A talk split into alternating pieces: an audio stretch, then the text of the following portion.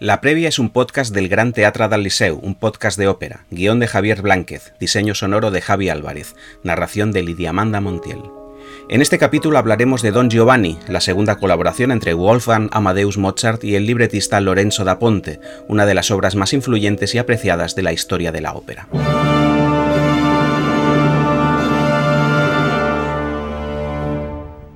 En el mundo de la ópera no hay un consenso absoluto sobre cuál es la mejor obra de todos los tiempos. Ese ejemplo absoluto de perfección, trascendencia y encanto musical. Esa unanimidad tampoco existe en el teatro, ni en el cine, ni en la literatura.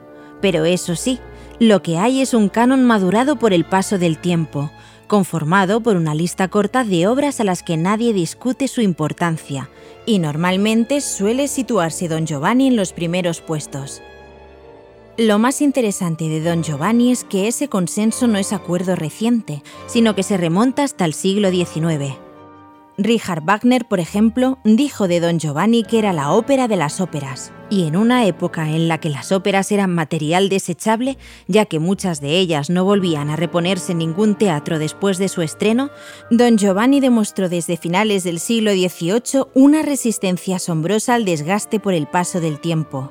Era la única ópera de Mozart que seguía interpretándose a los pocos años de la muerte del compositor y esa fortuna ha llegado hasta hoy, convertida en un clásico indestructible.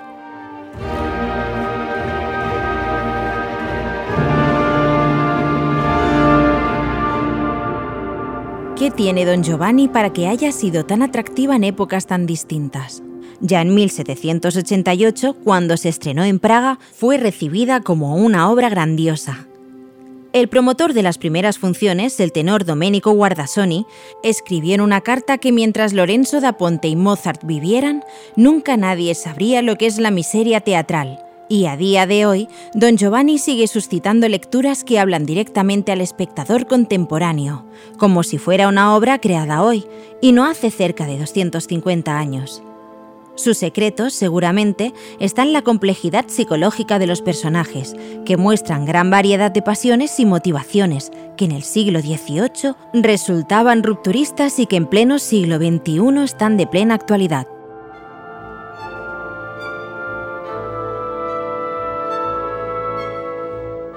Don Giovanni anticipaba el impulso emocional del romanticismo, el culto al individuo, la libertad y la reivindicación de las pasiones. De hecho, su tema central es la pulsión sexual como motor de nuestro comportamiento. Sin embargo, la ópera es mucho más compleja que eso, pues no trata sobre un conquistador sin escrúpulos, sino sobre qué límites deben establecerse para que haya una convivencia sana entre hombres y mujeres.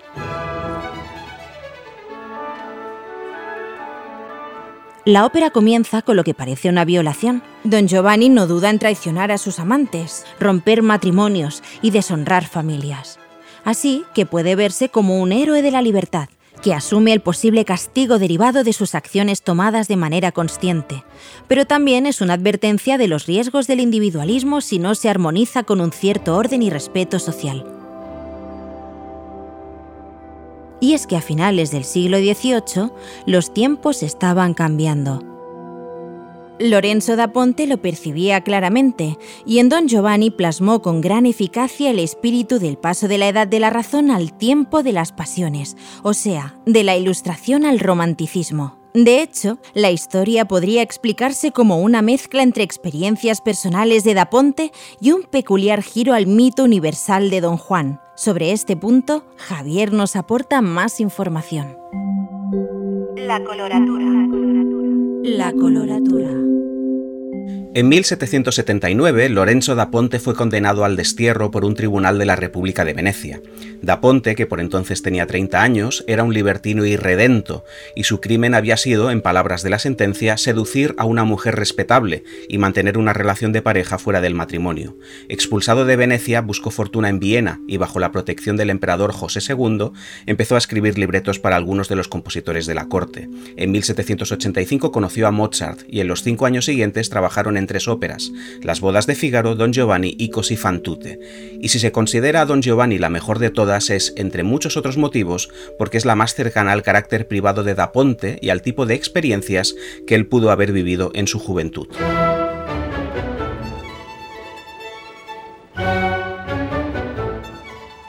Don Giovanni, la ópera, es una de las muchas obras mayores de la cultura europea que giran alrededor del mito de Don Juan, el implacable conquistador en las batallas del amor. Por entonces, en 1787, el mito literario de Don Juan contaba con un par de obras de teatro esenciales, El burlador de Sevilla de Tirso de Molina, de la cual Da Ponte tomó buena parte del argumento, y también El Don Juan de Molière. Como es lógico, aún no había llegado el turno de Lord Byron o el de José Zorrilla, que expandieron el tema del libertino castigado durante todo el siglo XIX y que llega hasta nuestra época. Pero con el paso del tiempo, cuando hablamos de Don Juan como un arquetipo universal, la obra de referencia suele ser siempre la ópera de Mozart con el libreto de Da Ponte. Da Ponte había conocido en Venecia al más insigne libertino de su tiempo, Giacomo Casanova, que en sus memorias, publicadas en el siglo XIX tras su muerte, enumeraba más de 60 conquistas sexuales durante su juventud y su madurez. Estos números, a día de hoy y en tiempos de aplicaciones para ligar, no son nada impresionantes, pero en aquel siglo eran tan vertiginosos que servían como base de una leyenda fascinante. El Don Giovanni de da Ponte es mucho más voraz que su amigo Casanova, ya que en el área del catálogo se indica que el número de sus conquistas ronda las 2000, y seguramente esos números exagerados son los que justifican que al final de la obra Don Giovanni merezca el severo castigo que recibe, una condena eterna en el infierno. il catalogo è questo delle belle che amò il padron mio. Un catalogo oh, belli è che ho fatto io. Osservate leggete con me. Osservate leggete con me. In Italia 640 in Romagna 231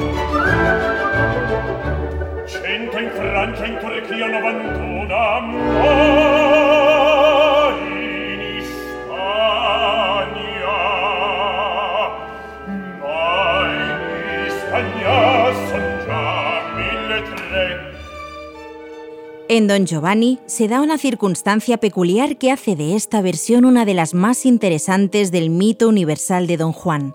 El protagonista, que es un libertino impenitente que conquista a todas las damas que se propone, sin embargo no consigue seducir a ninguna mujer durante la ópera. Seguramente Lorenzo da Ponte, que aún sufría las consecuencias del destierro, intuía que sus días de gloria como libertino habían quedado atrás, y el perfil que se ofrece de Don Giovanni es el de un depredador sexual en horas bajas que inicia su decadencia.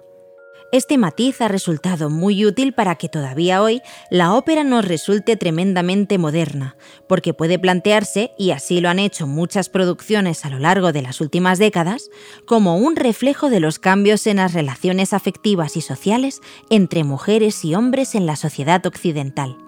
De hecho, la ópera comienza con una seducción interrumpida, en la primera escena nos encontramos a Leporello, el criado de don Giovanni, esperando a su amo en la puerta de la casa de don Anna, una mujer noble y casada. De repente, don Giovanni huye por la ventana y don Anna lo persigue. No sabemos qué ha ocurrido, pero ella está furiosa y pide ayuda. El padre de don Anna, el comendador, acude en su ayuda y desafía a don Giovanni con la espada. Tras un cruce de ataques, don Giovanni mata al comendador de una estocada y huye. Este episodio es importantísimo para la ópera, ya que será el detonante del desenlace, pues el comendador muere en brazos de su hija y ella jura vengarse de don Giovanni.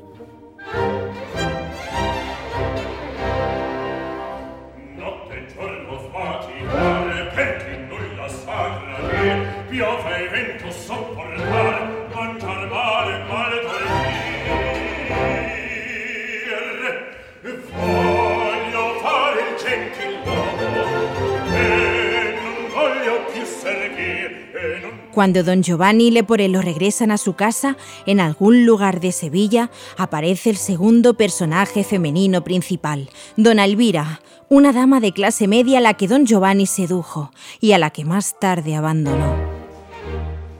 Una vez se encuentran, ella clama por una compensación y don Giovanni huye avergonzado. Para calmar a dona Elvira, Leporello le explica en la famosa área del catálogo que no debe tomarse a mal el desaire de su amo. Al fin y al cabo, ella es una más en una larga lista de mujeres traicionadas por don Giovanni.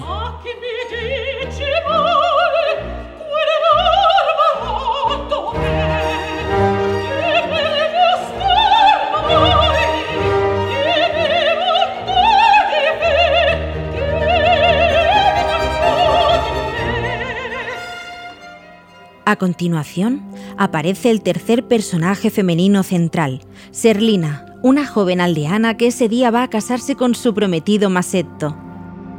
Don Giovanni se acerca a la boda y, fiel a su instinto depredador, se encapricha de Serlina, a la que intenta seducir en el apasionado dueto La Chidarem la mano. Cuando está a punto de conseguir que Serlina sucumba a la tentación, Dona Elvira los interrumpe y advierte a Serlina del tipo de hombre que es Don Giovanni.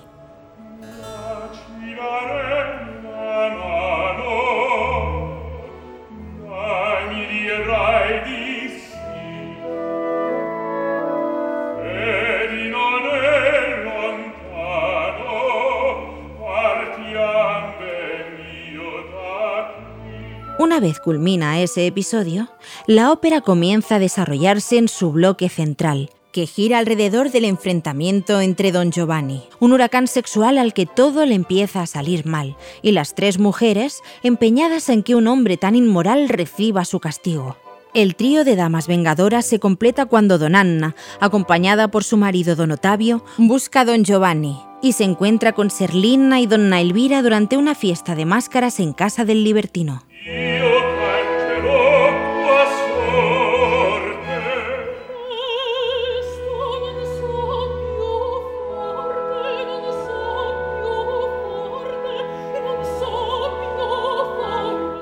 En el segundo acto, don Giovanni intenta buscar nuevas mujeres por Sevilla para seducirlas, pero no tiene éxito. Cada vez hay más gente contra él. La familia de Serlina lo persigue para castigarlo pero milagrosamente esquiva todas las dificultades, muchas veces utilizando a su criado Leporello como escudo, que es quien recibe palos y humillaciones. Don Giovanni, en definitiva, es un hombre horrible. De noche, caminando cerca de un cementerio, amo y criado pasan por delante de la tumba del comendador al que don Giovanni había matado al comienzo de la ópera. Y la estatua de la tumba habla. Acusa a don Giovanni del crimen, pero este no se asusta y se permite una fanfarronada, invitar al espectro del comendador a cenar a su casa.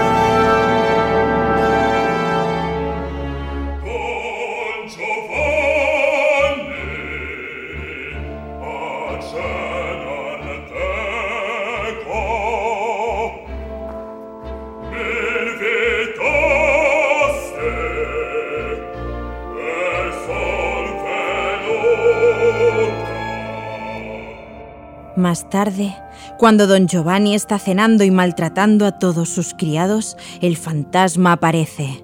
Exige a don Giovanni que se arrepienta de todos sus pecados, pero él, orgulloso, se niega. De modo que el comendador cumple su palabra y lo arrastra consigo al infierno. La ópera, que es una comedia y debe terminar de manera feliz, concluye con una moraleja. Quien se guía por sus malas acciones siempre recibe un castigo.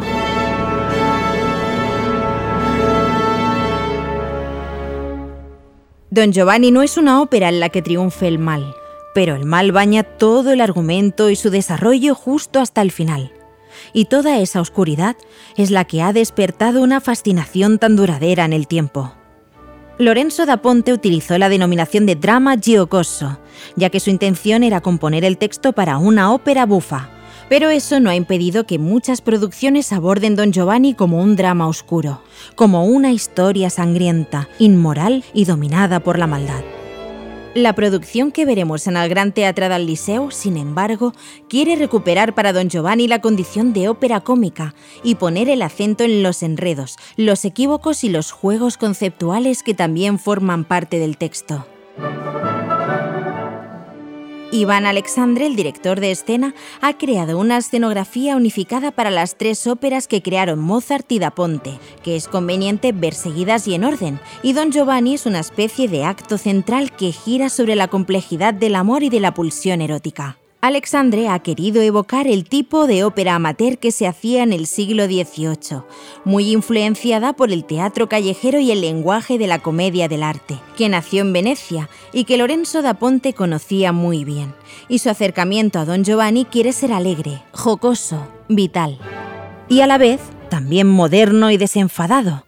En cierto momento de la ópera, por ejemplo, veremos cómo el libertino aparece vestido con camiseta y tejanos, una idea entre las muchas que pueblan esta producción que vienen a decirnos que Don Giovanni es también nuestro contemporáneo. Y aunque el pozo moral de la obra sea profundo, tampoco podemos obviar su parte alegre y desenfadada. A todo ello también ayudará la dirección musical de Mark Minkowski, que ha reunido a un joven conjunto de voces para interpretar la partitura de Don Giovanni con tempos excitantes, energía y alegría. La ópera de las óperas, tal como podría haber sido en el siglo XVIII y tal como puede apelar al público del siglo XXI. Será una experiencia irrepetible.